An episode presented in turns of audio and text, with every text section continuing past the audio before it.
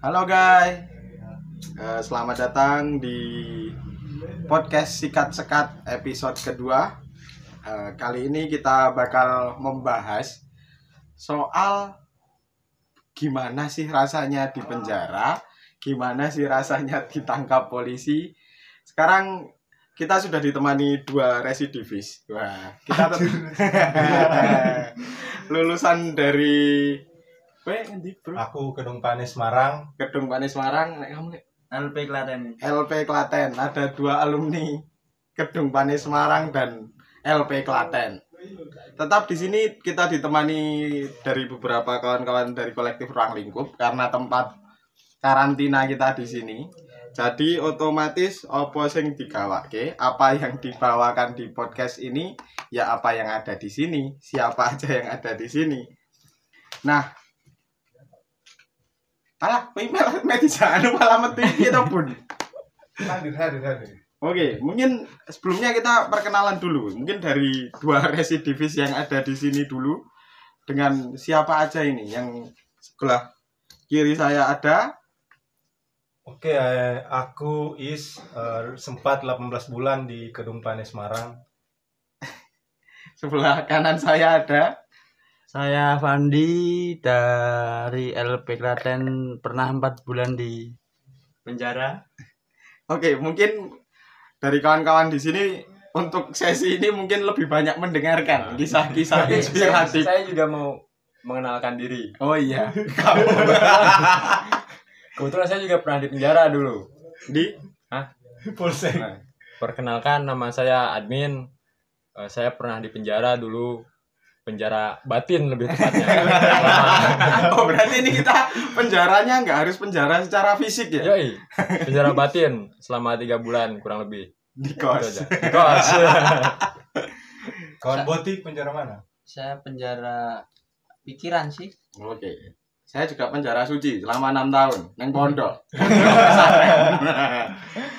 Oh, pernah aku tiga hari. Sobron. Nah, aku ya sobron ya empat hari cok sobron nih. Sobron, sobron. Buat yang nggak tahu sobron, mungkin anak-anak UMS pada tahu. Anak-anak Sobron. Muhammadiyah. Emang Muhammadiyah semuanya ada sobronnya? UMS doang. UMS doang kayaknya. Oh, UMY ya no. Hmm. Kita nggak bahas sobron, kita bahas penjara. Jadi mungkin banyak kawan-kawan yang bertanya-tanya karena hampir di circle kita ini adalah orang-orang yang terancam terkriminalisasi oleh negara gitu kan. Yoi. Jadi kita perlu paling tidak sedikit gambaran gitu kan. Sedikit gambaran tentang bagaimana suasana atau rasanya atau sensasi dari masuk penjara itu biar nek mlebu ra kaget mlebu. Yoi. Ya amit-amit ding. Kowe kowe wae sing mlebu aku ya. Ini buat Mengerikan. buat sharing-sharing aja. Nah, ini pertanyaan pertama, jadi tahanan itu kapan? Kawan-kawan, siapa dulu nih yang mau jawab?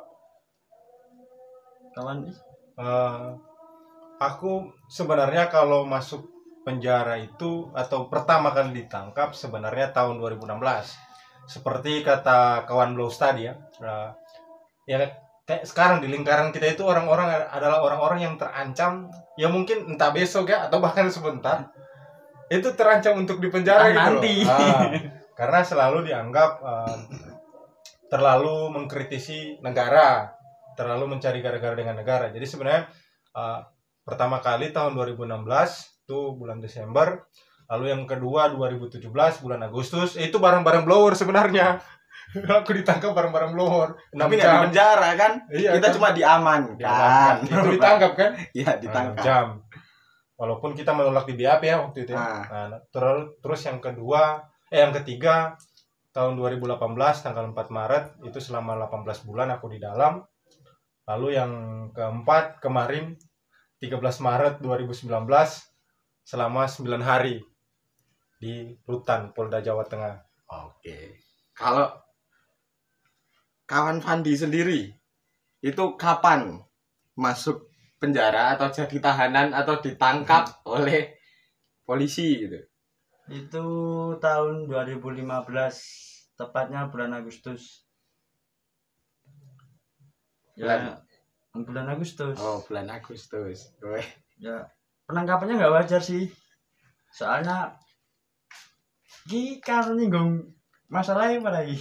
terserah ding kene bebas pokoknya bebas ya bebas lah itu tuh neng di mana gitu terus sebenarnya pas posisi rivalitas sepak bola sih sama si tetangga sebelah. Nah pas posisi itu masih apa ya nek ngarani ya? Panas-panasnya? Ya panas-panas sih so terus lagi usuk musume nyegat nyegati lah. Nah, pas posisi di situ aku nggak pernah apa ya ngelakuin sih. Aku cuma ngeliat.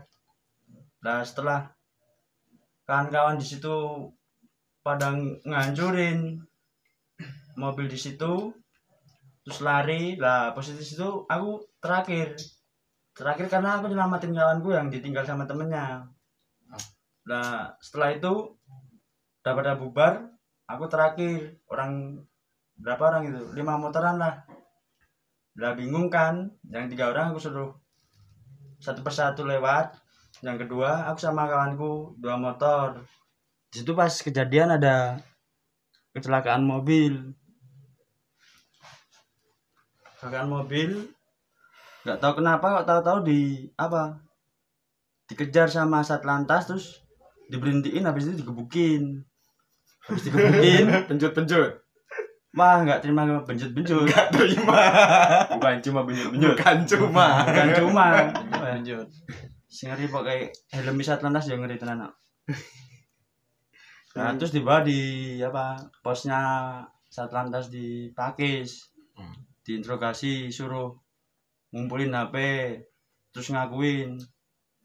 Sekitar sampai jam berapa? Subuh dipindah ke Polsek Delanggu nah di situ disuruh ngakuin lagi kalau aku itu ngelakuin. Padahal sebenarnya posisi di situ aku cuman ngeliat tapi disuruh ngakuin.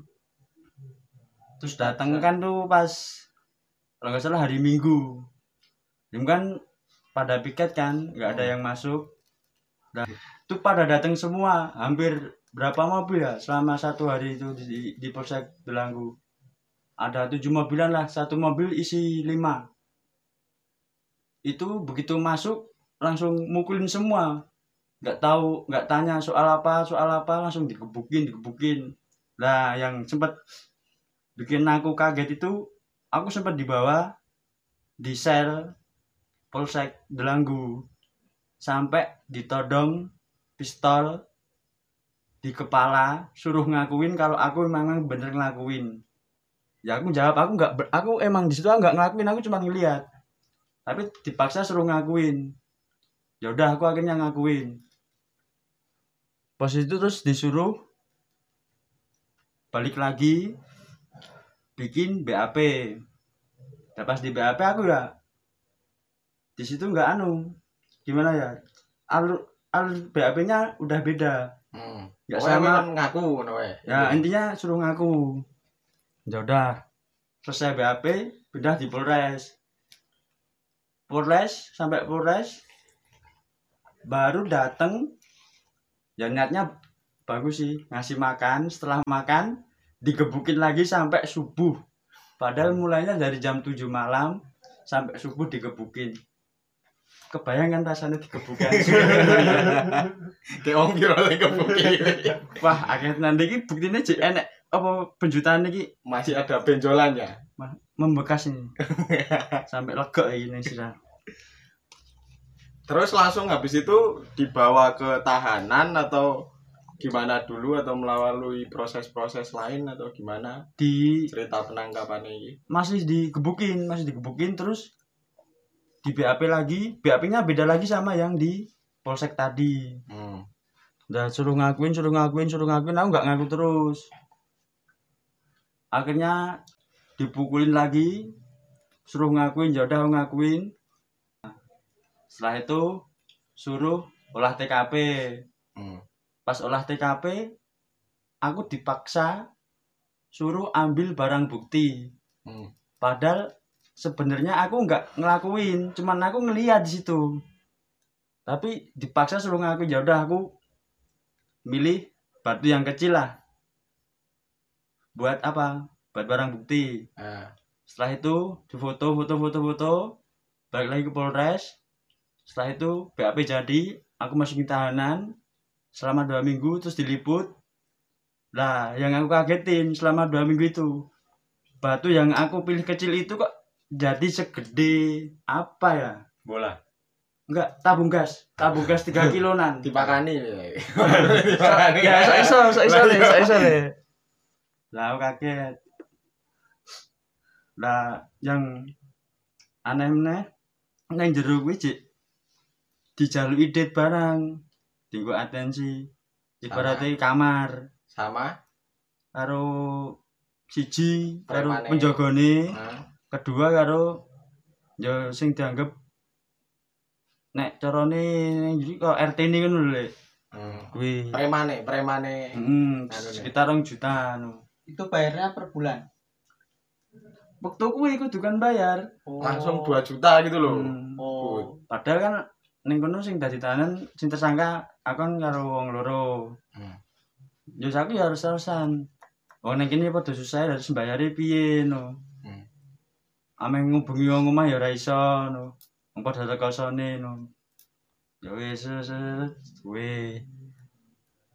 Terus selang rong sasi di layar neng LP Klaten. Wah, luwih kejem meneh kuwi Lek. Aku nek mbayangke ya ampun, makame kaya ngono kae. Neng kono jek dijaluki dit meneh. ya ampun, anu. Kayak iki wong susah digawe susah meneh ngono. Wah. Ngeri. Lan kuwi jek tempuke karo napi-napi kok dadi basa Jawa ya. Bebas ya, bebas ya. ya. Bebas. Tapi HP lebih bagus jika menggunakan bahasa Indonesia Oh, iya. biar pendengar-pendengar kita yang Oke. interlokal ini tahu Nah, iki langsung neng anu ya ke ke ya pas temenku ada temenku di situ ya barengan di dari Polres. Itu dimintain uang sama napi-napi situ. Per orang itu harus ngasih uang 2 juta. Wah. Itu yang dari Polres dilayar ke LP Buat apa itu? Layar Ya, ini nggak tahu buat apa. Buat atensi atau apa nggak tahu. Itu per orang 2 juta. Dan akhirnya kan kita semua yang barengan dari Polres kan udah sepakat kalau kita semua kalau ada apa-apa satu kena kena semua. Hmm. akhirnya kejadian setelah aku vonis. Dua minggu lagi aku bebas. Kita sepakat. Yang minta uang itu suruh masuk ke blok kita. Benjoti belum. Kita tanya baik-baik dulu. Ini maksudnya apa kok? Dimintain uang. Di sini kita udah susah kok dibikin susah lagi no enggak itu buat atensi biar kamu sini aman. No lah kan ki- kita di sini udah diamanin sama bapak-bapak sipir. Alah bapak-bapak sipir. Neng ya orang aman kidding melu malah nah akhirnya di situ mungkin ya kan kawan yang barengan dari pers udah marah juga sih. Nah sudah sepakat ya udah kita langsung kita tawurin aja. Dari antar blok antar blok blok krim sama blok narkoba blok kriminal kriminal kriminal Kriminal umum. Kamu masuk coba? blok mana? blok kriminal Kriminal. dari situ kita berantem sampai sempet tusuk-tusukan itu lah setelah itu kita disamperin sama kan kawannya yang dari narkoba yang kena itu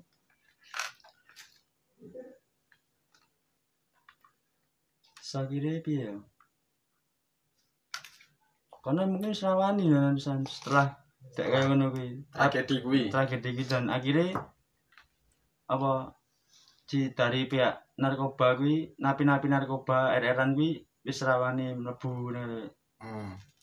dan nek, diomongke kalau diomong ya. Kalau dibilang. Kalau dibilang susah senang ning jero iki, akeh susah ketimbang senenge timbang senenge dari makan Seadanya Mau makan seadanya aja harus- metani metani dalam hal banyak Memilah. kutunya nasinya. Metani apa bahasa Indonesia? Memilah. memilah Memilah memilah nasi. Memilah nasi. Banyak kutu Nggak boleh makan di tempat gelap, harus yang terang lah. kan tambahan protein. Ya begitulah. Wah. Dari aku Nah, mungkin itu sedikit gambaran dari kalau mungkin kawan-kawan nanti yang yang berencana berencana untuk melanjutkan pendidikan di LP Klaten. Seperti itu gambarannya kira-kira. Sekarang langsung ke kubu Kedung Mane.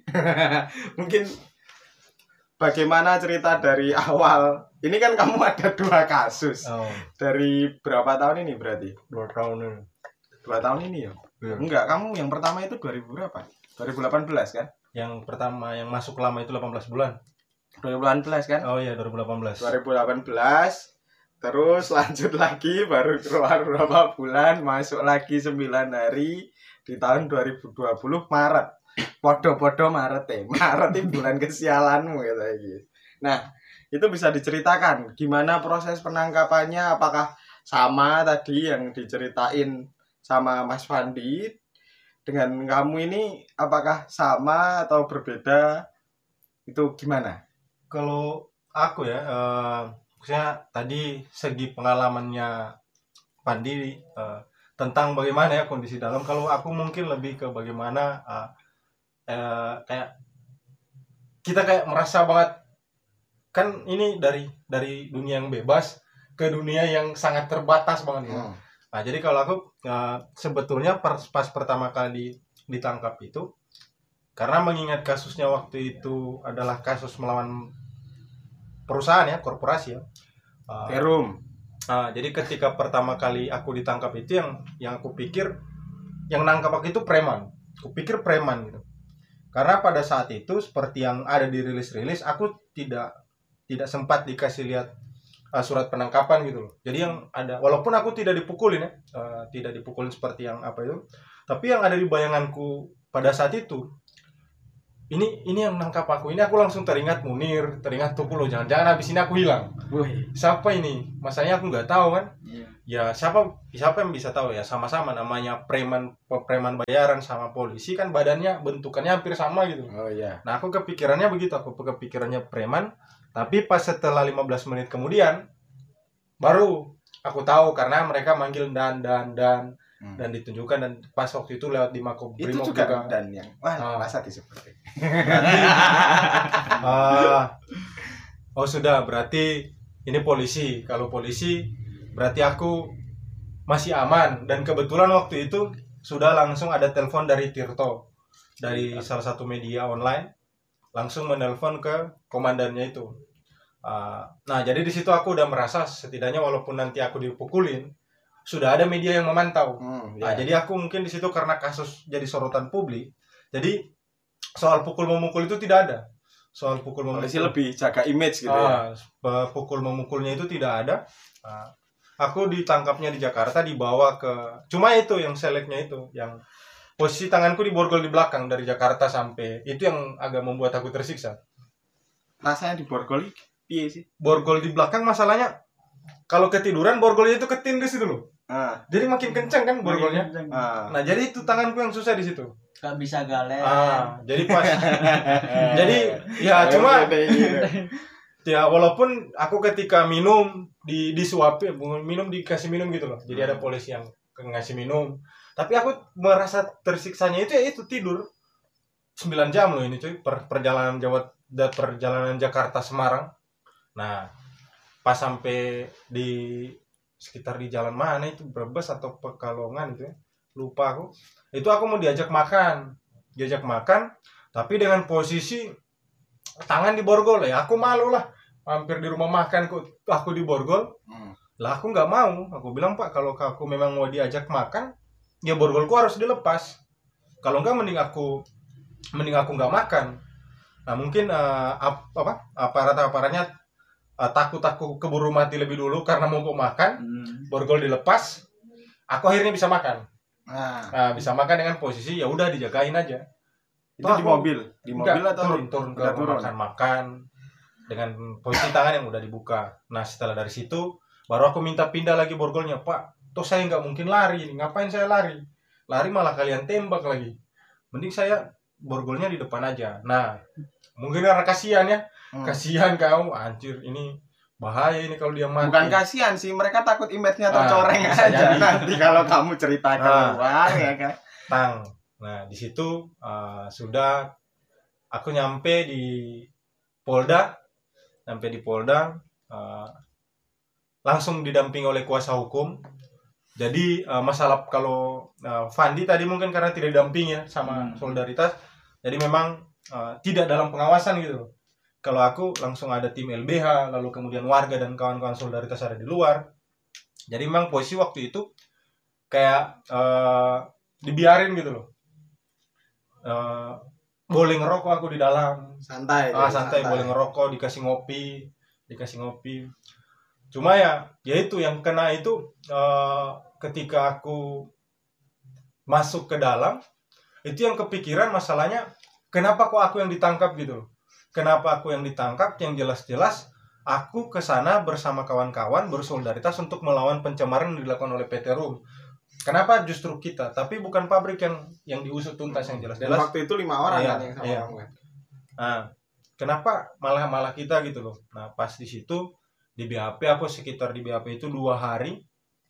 Aku dua hari di BAP, tapi ya karena mungkin ada tim kuasa hukum, BAP-nya tidak sampai dipukulin, tidak sampai dipukulin, jadi dibiarin aja di BAP. Aku bilang kalau aku capek, kan di BAP itu jelas di situ tertulis kalau pemeriksaan itu harus dalam keadaan fit gitu loh. Hmm. Nah aku kalau capek istirahat, begitu juga dengan kawan-kawan yang lain. Cuma ya yang kita nggak terima, kenapa eh, justru kita gitu yang ditangkap? Aku pun merasa tidak melakukan pengerusakan. Nah tapi pokoknya bagaimana caranya orang ini harus ditangkap. Bagaimana caranya harus ditangkap. Dan pasalnya ngeri-ngeri waktu itu 187 187 sama 170 terus tambah 406 lagi tiga pasal kalau di total itu 20 tahun kayaknya kalau ditambahin dua semua semua itu 170 15 187 udah tahu berapa 406 2 tahun lebih nah setelah selesai BAP aku masuk ke dalam masuk ke dalam eh, ketulungan karena ada se- senior UMS jadi sebenarnya pas aku masuk pas aku masuk itu udah disuruh jongko jalan jongko apa sama napi-napi lah. Mungkin kalau kebiasaan di sana ya Ya, kebiasaan apa? ospek ospek manusia apa? Ospek mas mahasiswa baru penghuni baru. Ada tradisi. Ada tradisi ospek Ah, kayak misalnya pramuka. kayak nakut-nakutin kok gitu. kamu hubungan? Nakut-nakutin. Ah, cuma untung aku ketulungan waktu itu ada orang yang aku kenal bukan kenal satu kampus. Mahasiswa UMS alumni UMS Ah, dia kebetulan lebih dulu masuk jadi agak aman. Aku dikasih rokok apa tetep benge tetep benge nah cuma memang yang yang jadi pengalaman paling apa itu bagaimana caranya ah, jangan sampai di penjara itu membunuh semangat gitu loh. Hmm. bonus semangat misalnya dalam perjuangan. Karena pas di dalam itu jujur aku ya eh, selama 18 bulan itu tiga bulan pertama itu yang paling sulit. Tiga bulan pertama paling sulit karena kita harus memulai membiasakan diri dengan kehidupan yang serba terbatas. Entah dari lah. eh, aksi apa dari dari makanan lalu kemudian dari tidur yang aduh Kumpulkan tidur tumpuk-tumpukan lalu kemudian tidak bisa berkomunikasi lewat eh, gadget ya. Ah, smartphone. Uh, tiga bulan pertama itu uh, untung aku merasa kuat itu karena ada solidaritas dari luar. Nah makanya ini aku bilang uh, ada kampanye-kampanye kawan-kawan di luar yang ketika ada orang di penjara itu uh, kayak seruan uh, jangan biarkan mereka sendiri bebaskan kawan kami. Dia tidak apa atau kawan kami "Ka- kamu tidak sendiri kawan. Nah itu sebenarnya itu menguatkan gitu loh. Karena ketika kita di di penjara gara-gara dalam perjuangan hal-hal seperti itu meskipun kecil itu sebenarnya menguatkan. Itu sebenarnya menguatkan. Lalu kemudian ada pasokan-pasokan buku. Beruntung ada dulu kawan-kawan yang memasok aku salah satu buku eh, yang dikumpulkan oleh Pram eh, cerita dari Digul. Hmm. nah cerita dari Digul itu cukup banyak membuat semangatku tetap terjaga gitu loh. Oh ternyata ada yang lebih susah gitu loh dari aku bahwa dalam perjuangan ini banyak orang yang harus diasingkan yang harus dipenjara di jadi kayak dibuang gitu ah, aku cuma segini gitu loh masih bisa aku aku makanan makanan masih bisa diakses. Nah mereka harus nyari sendiri. Aku disediakan walaupun seadanya walaupun harus dipilah-pilih itu karena banyak batu dan kutunya tapi aku masih masih masih bisa makan. Nah yang lain itu susah. Lalu kemudian ada kawan-kawan buruh yang ngirimin aku buku juga eh, nyanyian nyanyian seorang bisu bukunya Pram. Bukunya Pram juga nyanyian nyanyian seorang bisu. Nah itu cukup banyak menguatkan. Cukup banyak menguatkan. Jadi eh, hal-hal seperti itu memang pengalaman-pengalaman dari orang-orang sebelumnya. Itu cukup banyak menguatkan. Lalu ada bukunya eh, Ibunda karya Maxim Gorky itu cukup banyak membuat aku tidak tidak Akhirnya merasa terpuruk gitu loh. Tolstoy. Ah Tolstoy Anna Karenina nah, itu itu itu yang uh, salah satu buku juga yang dikirimin Anna Karenina nah yang paling banyak berefek itu sebenarnya ketika salah satu kawan menceritakan tentang kisah Philip Karma sih. Nah itu yang paling banyak uh, aku paling ingat pesan Philip Karma itu yang kalau kita di penjara gara-gara perjuangan kita di penjara karena kriminalisasi anggap saja kita itu hanya pindah tempat. Hanya pindah tempat hanya pindah kos-kosan dari rumah sini dari rumah yang agak mewah ke rumah yang pas-pasan gitu loh. Nah itu sebenarnya yang yang agak agak agak menguatkan. Cuma ya ya namanya dalam perjuangan ya ada kalanya penangkapannya itu atau atau kasusnya itu kayak kayak nggak benar gitu. Jadi dibikin-bikin karena dari dulu kan dari dulu sejak zaman eh, Diponegoro dijebak oleh tentara eh, tentara Belanda lalu kemudian di Ponegoro ya paling Stirner apa? bukan di Ponegoro bukan di Ponegoro yang semalam. Iya iya iya. nah terus ada Teus Eluai yang kemudian malah mati ya. Terus kemudian ada Philip Karma. Lalu ada eh, Pram juga sendiri kan? Nah itu sebenarnya kalau Pram malah lebih bahaya dia tidak pernah disidangkan kan? Nah itu sebenarnya hal-hal yang ketidakadilan yang sebenarnya kita tidak tidak dapatkan gitu loh. Kenapa kalau memang pabrik pabrik eh, yang sudah melakukan pencemaran lingkungan bertahun-tahun kenapa ju- bukan mereka yang ditindaki gitu loh? Justru malah warga yang eh, melakukan perlawanan. Nah ini sebenarnya eh, sesuatu yang bagiku sulit untuk aku terima gitu loh sampai sekarang. Karena 18 bulan itu cukup membuat aku kehilangan banyak hal gitu loh Ke- kehilangan banyak momentum. Dengan pacar. Ah kehilangan momentum dengan pacar ya. Kehilangan momentum kayak kuliah gitu harus tersendat-sendat ya sampai sekarang. Kuliah sampai sekarang belum selesai-selesai gara-gara 18 bulan. Kalau boleh di total 4 semester lah. Harus terkendala. Itu sih kalau aku. Nah, ini yang pengalaman kedua belum kamu ceritain. Kan kamu dua kali Hmm. nih.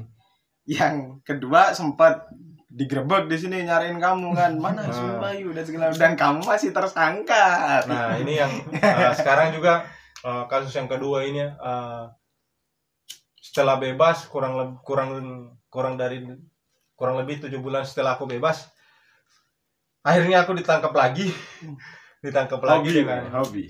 bukan hobi ini ditangkap lagi dengan kasus uh, undang-undang undang-undang ITE yang dilaporkan yang anehnya oleh mahasiswa. Wih, anggota dari salah satu organisasi ya. Eh, merah hitam. eh, merah hitam itu. Iya, merah Merah hitam hitam lah. kuningnya.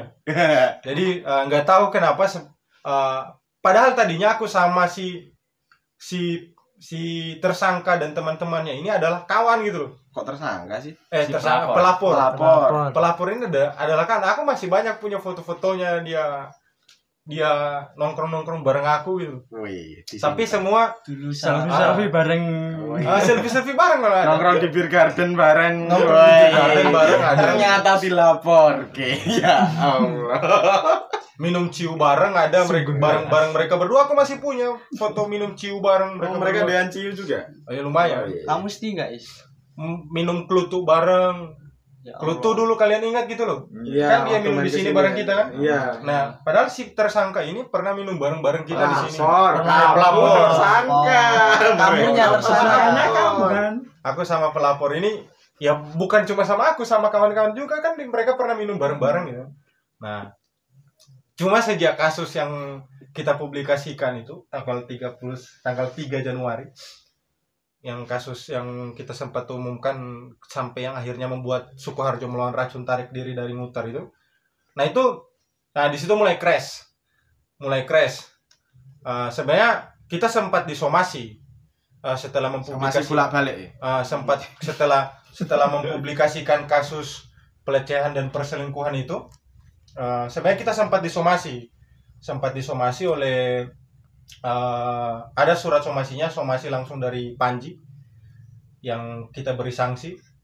Nah eh, setelah itu eh, kok malah aku dilaporkan dengan kasus em, ujaran kebencian ke Jokowi gitu. Nah anehnya mereka berdua ini pelapor. Orang yang dulu kalau bisa dibilang makan tidur ngopi ngerokok ngeciu kelutuk beer garden bareng-bareng gitu loh nah itu aku digerebek. Tiba-tiba digerebek posisi sementara buang air besar anjir. Anjir aku sementara buang air besar. Aku sementara buang air besar Eh, sebenarnya satu malam sebelumnya itu bareng Abut ya. Iya. Abut ku minta temenin habis kami ah, habis kamisan. Karena ada info salah satu kubu yang ngelaporin ini kedapatan sama kawan-kawan pas kita sementara kamisan sedang berada sama polisi-polisi ya. Di Burjo Kaila ya ada beberapa kawan. Nah aku posisi waktu itu eh, eh, sementara bunga besar. Cuma mungkin karena memang seperti yang kamu bilang tadi takut eh, jadi perhatian publik. Hmm. akhirnya eh gak usah diborgol dia gak usah diborgol gak usah diborgol. Ini ini ini kit- dia kooperatif kok dia kooperatif kok dia Ah. kooperatif. Tapi kan kamu didobrak Ah, dobrak. lagi ngising. posisi sementara ngising. Nah lang- langsung komandannya itu pak supa aku namanya itu dia langsung masuk. Oh jangan jangan jangan jangan. Biarin biarin dia selesain dia selesain dulu. Dia selesain nah cuma yang lain udah bentak-bentak. Begitu dia masuk dia bilang gak usah dia kooperatif kooperatif dan ini bukan penculikan ya ini bukan penculikan ya karena mungkin waktu itu poster yang aku 2018 kan hilang diculik Nah Iya. itu langsung ini bukan penculikan ya. Ini ini surat penangkapan, surat penangkapan. Cuma mau difoto sama kawan-kawan nggak bisa. Iya, nggak Mau boleh. difoto itu nggak boleh.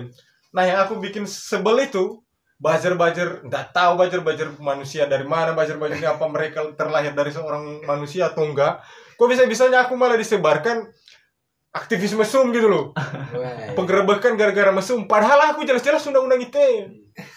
Padahal yang musuh Panji ya. Iya. Lah, aku nggak tahu Panji, maksudnya. Panji. yang jelas-jelas disanksi, yang jelas-jelas disanksi gara-gara perselingkuhan dan eh, pelecehan siapa? Panji. Kok aku malah yang disebarkan itu loh Nah. di grup-grup Solo, info Wong Solo. Aku kaget pas aku bebas.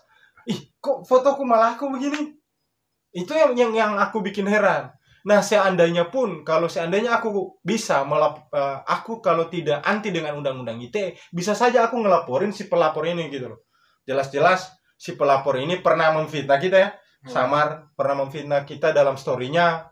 Lalu eh kayak dia ngajak kita berkelahi juga kan. Ah. Satu lawan satu MMA kan. Iya, pas diparani ya. Ah. Bleret, ya Allah. Terus ada juga eh, Bukan aku mas. salah Bukan satu aku, Mas. salah satu perempuan yang ada dengan kubu si pelapor itu pernah mengata-ngatai aku laknat. Kalau seandainya aku pakai undang-undang ITE, bisa saja dia juga begitu karena aku yang dimarah dimarahin itu kan karena ke aku memang benci sama em, eh, karena saking kecewanya dengan pemerintah, aku meluapkan kekecewaanku dengan menggunakan kata laknat itu. Nah, bisa saja sih orang yang ada dengan kubu pelapor ini kalau seandainya aku tidak mengi- mengingat dia, anak-anaknya, lalu kemudian aku tidak anti, dengan undang-undang ITE, bisa saja langsung kelaporan gitu. Aku punya bukti kok. Dia, dia ngata-ngatain laknan, dia ngata-ngatain aku cabul. Padahal dia tidak pernah punya bukti bahwa aku melakukan pencabulan. Bahwa aku melakukan perselingkuhan apa pun dia tidak pernah punya bukti. Astagfirullahaladzim. Nah, aku seandainya kalau nggak mikirin karena aku berteman cukup lama, cukup cukup lama dengan uh, suaminya. Aku tahu gitu loh uh, kondisi mereka. Kalau seandainya aku tega, uh, aku bakalan bakalan menggunakan itu undang-undang ITE. Cuma bagaimana mungkin aku dan organisasiku ya menolak undang-undang ITE, tapi kok aku pakai untuk ngelaporin dia gitu. Dan yang laporin katanya juga nggak Nah, sepakat dengan undang-undang.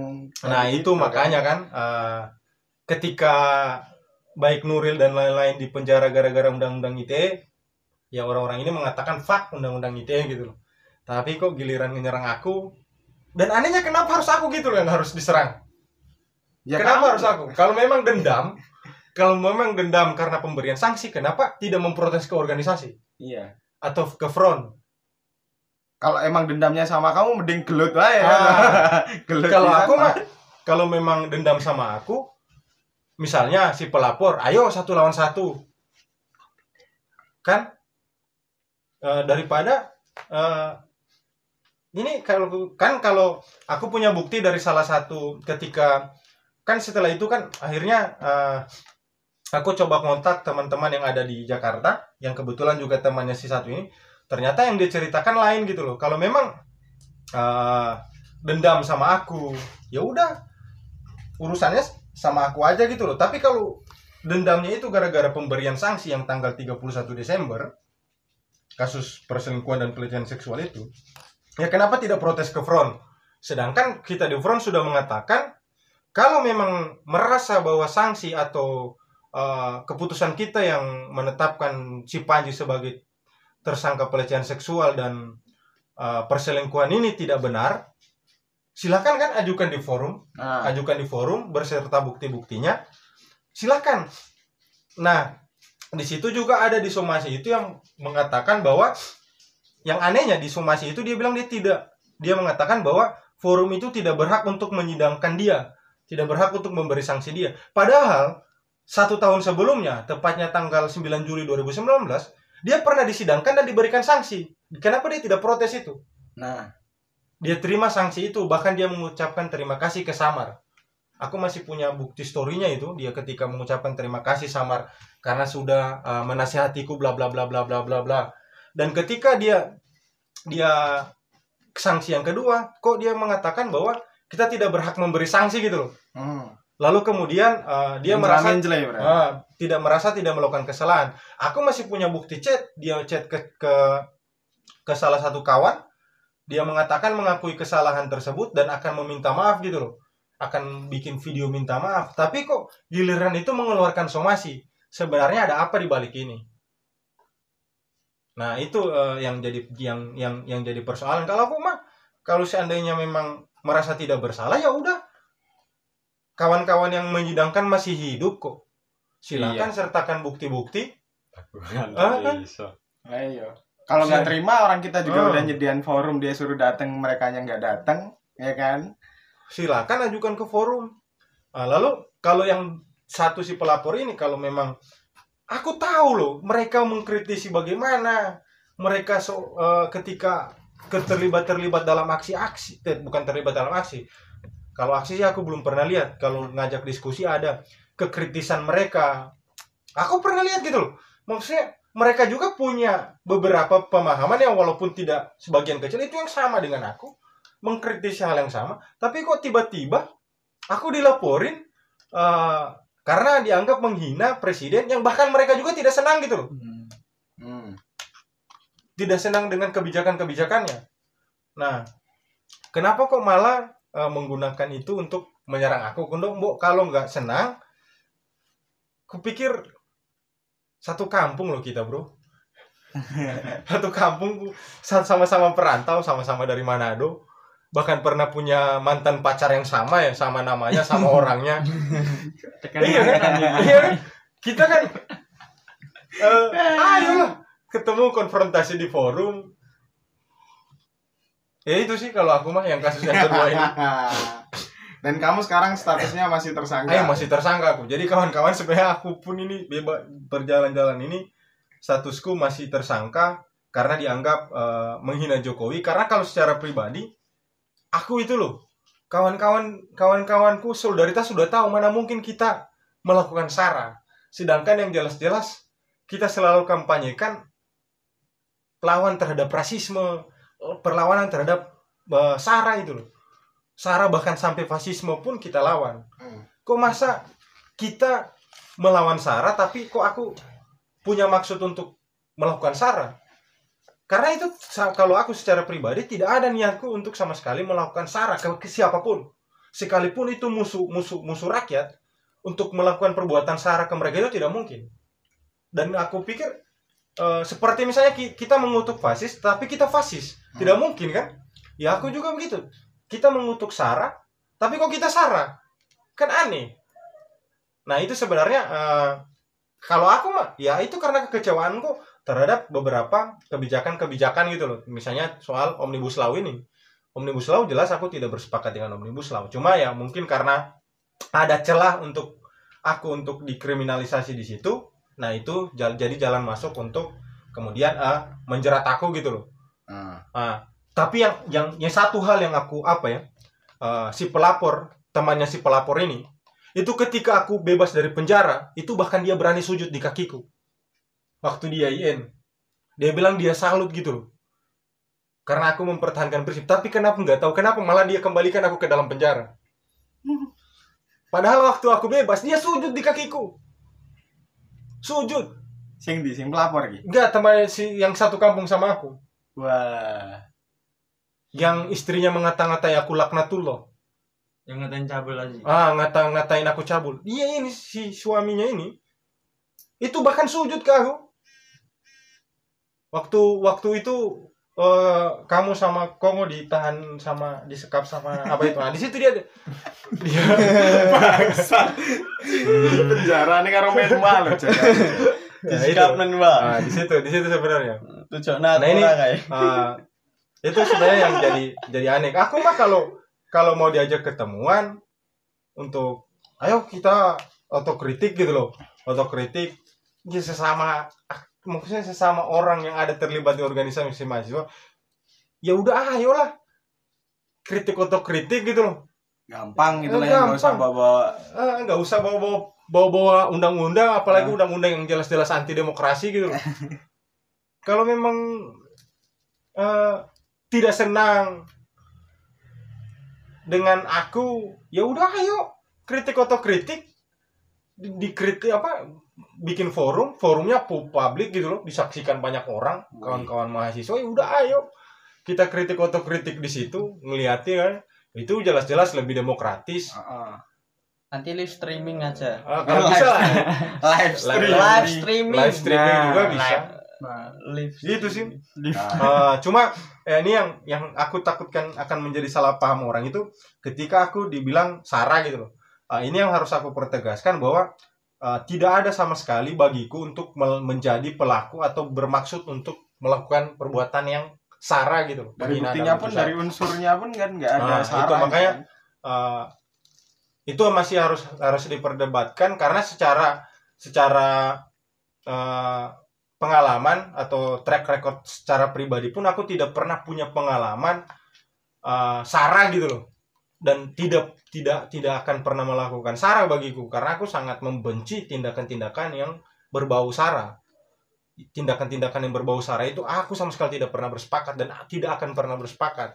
Nah itu. Jadi itu yang harus aku tekankan ke kawan-kawan yang ada di luar sana seluruh masyarakat Indonesia pun ya bahwa aku secara pribadi tidak akan pernah uh, melakukan perbuatan sara dan bagiku apa yang aku lakukan sejauh ini memang tidak tidak pernah berbau sara gitu loh. Kalau memang tiba-tiba tidak uh, mau mau mempertanyakan tentang apa yang aku ucapkan ya tanyakan langsung saja. Tanyakan langsung. Ya kalau memang dirasa untuk melakukan salah dan itu memang benar-benar dianggap oleh orang se- sebagai sebuah bentuk kesalahan sebagai orang yang baik dan masih berpikiran demokratis aku pikir tidak tidak tidak susah gitu loh untuk kita mau minta maaf mengakui kalau memang kita salah. Tapi kok bisa bisanya aktivis mahasiswa gitu loh.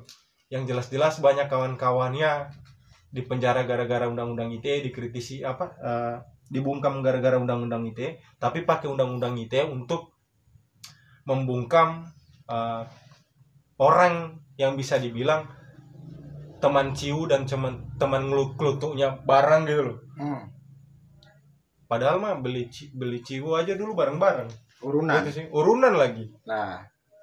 Gitu sih. Oke, mungkin eh, ke hal selanjutnya yang ini kawan-kawan udah ada gambaran ya berarti ya udah ada gambaran gimana nanti kalau kawan-kawan terancam dikriminalisasi bisa jadi kisah inspiratif buat kawan-kawan nanti saat masuk penjara. Jadi udah wah ra kaget aku. Guys ke ceritane is. Guys ke ceritane Mas Fandi Udah ujung-ujungnya duit. Nah, tetap udah ujung-ujungnya duit. Nah, ini terakhir nih pertanyaan terakhir tentang eh, pengalaman selama ditangkep terus di penjara, pengalaman di penjara dan segala macam ini kan penuh dengan kebencian. Sekarang yang hal yang paling menyenangkan setelah di penjara waktu bebas. waktu bebas itu gimana sih rasanya waktu bebas itu siapa ini yang mau jawab dulu Hmm, Fandi, Fandi aja dulu. Waktu bebas, itu setelah berapa bulan atau di penjara gitu dengan singup ngono kan ngomongnya Kalau rasanya sih masih gimana ya? Sulit buat adaptasi sama lingkungan luar gitu loh. hmm. tapi seneng aslinya Senang tapi nggak bisa ngerasain senengnya itu, Ah. senengnya pas keluar. Jadi masih Parno. nggak parno, linglung lah. Hmm. bingung apa yang mau dilakuin gitu kan Iya, kak. Nah, Apa ya? kayak terbiasa Kayak Patrick. Yang sebelumnya di penjara nggak bisa ngapa-ngapain, cuman di situ nggak ada aktivitas apa-apa, terus keluar bebas, itu nggak ya kalau dia mau seneng seneng tapi kalau dalam hati sama pikiran tuh nggak bisa ngerasain senengnya itu masih gimana ya masih pikiran lah. Gimana ya? Rasanya bingung lah. Tapi ya angel aku. Di penjara pokoknya seneng tapi harap ngopo bingung. Bingung terus linglung. Ini coba iki adaptasi itu butuh berapa bulan ya? Tiga mingguan aku dulu. Baru Baru bisa bisa, mm. beraktivitas Mm, normal lagi normal. gitu. Hmm. Jadi nggak langsung ujuk-ujuk keluar dari penjara langsung wah konco-koncoku ya oke mungkin kalau is gimana Kalau rasanya waktu aku ya. keluar pertama? Waktu keluar memang agak kebingungan ya. Terbiasa tidak melihat mobil tidak mendengar keributan terbiasa tidak eh, ada tempat-tempat yang ramai dan ribut gitu loh. pertama itu memang agak kaget agak kaget tapi yang bikin senangnya 18 bulan sebelum aku bebas itu kawan-kawan kawan-kawanku yang ibaratkan kita itu di Solo itu paling lima orang ya enam orang delapan orang yang terlibat dalam front ya yang aktif dalam front yang tinggal-tinggal di sekre.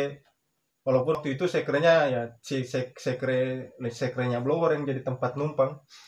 Pas keluar kaget sih kaget bahagia. Anjir banyak banget orang sekarang. Udah nggak perlu khawatir siapa yang harus ke front ke sana siapa yang harus nyari dana juang siapa yang harus eh, ikut eh, apa eh, rapat-rapat gitu. Udah pembagian tugasnya udah nggak perlu repot-repot di satu orang atau dua orang gitu. Karena udah banyak. Nah itu yang bikin eh, bikin bikin semangat. Artinya dengan ada dengan di penjara eh, dengan pas keluar kita udah banyak kawan itu wah itu udah bikin senang lah. Udah bikin senang udah banyak yang yang bakalan aksi rame-rame. Bahkan tidak perlu ngajak orang lain yang yang belum ada dalam lingkaran. Kalau mau aksi kita kita aja untuk kampanye solidaritas sudah bisa gitu loh. Karena udah banyak. Masa aksinya udah internal kita aja udah udah udah banyak gitu loh yang dalam lingkaran yang tinggal dalam satu sekre rame-rame nah itu sih yang yang bikin yang bikin senangnya. Walaupun memang aku waktu menyesuaikan itu sekitar ya benar kata Pandita di sekitar tiga mingguan gitulah. Anjir ini mau ngapain aku di luar ini ya? Kalau di dalam kan aku tidur tidur tidur tidur makan tidur dijagain sama sipir kan? Tidur dijagain loh makan, di sini makan dikasih. Kalau di sini aduh ini mau ngapain? Mau bagaimana? Aku udah pokoknya kayak bingung gitu loh memang kayak ih, kayak sesuatu yang baru. Jadi memang penyesuaiannya memang membutuhkan waktu. Nah memang senangnya poin utamanya senangnya itu ketika ngeliatin kawan-kawan ih udah banyak gitu. Apalagi kan aku jauh gitu loh dari keluarga. Jadi kumpulnya dengan kawan-kawan gitu loh. Ngumpulnya dengan kawan-kawan. Begitu lihat kawan-kawan banyak anjir. Ini mah enak kalau udah begini kalau ngefront. Aksi-aksi. Itu sih kalau aku Oke. Karena sudah 51 menit 52 menitan kita ngobrol sana sini tentang kisah dari dalam penjara. Sebenarnya tadi kita mau lanjut lagi buat ngobrolin Omnibus Law, tapi karena durasinya yang terlalu lama, mungkin kita bikin di sesi berikutnya nanti. oke Setelah ini, ini mungkin podcast episode kedua ini tidak terlalu urakan karena kita hanya mendengarkan bagaimana kisah-kisah kawan-kawan kita yang pernah mengalami hidup di penjara gitu kan. Ada Mas Fandi sendiri empat bulan, ada I sendiri satu 18 bulan, eh, 18 bulan, satunya 9 hari. satunya 9 hari. Nah, itu mungkin lebih bisa memberikan informasi pada kawan-kawan di luar sana. Bagaimana sih gambaran hidup dalam penjara itu kayak gimana? Terus eh, setelah keluar penjara itu ternyata nggak langsung yang wah aku bebas ora beda beda karo ada sing pernah mondok dengan mulai mulai seneng kabur wis mulai temen-temen keluar dari penjara beda ternyata. Perlu adaptasi hampir sekitar tiga mingguan dan hampir sama semua waktu penyesuaiannya. Mungkin itu kawan-kawan. Eh jangan lupa dengarkan kita terus. Nanti mungkin di edisi ketiga kita akan bahas soal omnibus law. Masih bersama dengan kawan-kawan KRL nanti karena kita masih dalam rangka lockdown dalam rangka karantina jadi kita mengisi kegabutan-kegabutan. Kalau ada yang tanya sikat-sikat podcast ki uploadnya pirang dino pisan toh kok jur upload upload wae? Yo gara-gara gabut wae akhirnya rekaman terus. Nek kalau nggak gabut ya mungkin bisa seminggu sekali atau apa. Ya terserah kita lah pokoknya lah. Kalian nggak bisa nuntut kita kemarin kapan wae. Pokoknya terserah kita. Terima kasih untuk kawan-kawan yang sudah mendengarkan podcast kita. Sampai jumpa di episode-episode selanjutnya. Salam. Olahraga. Weh.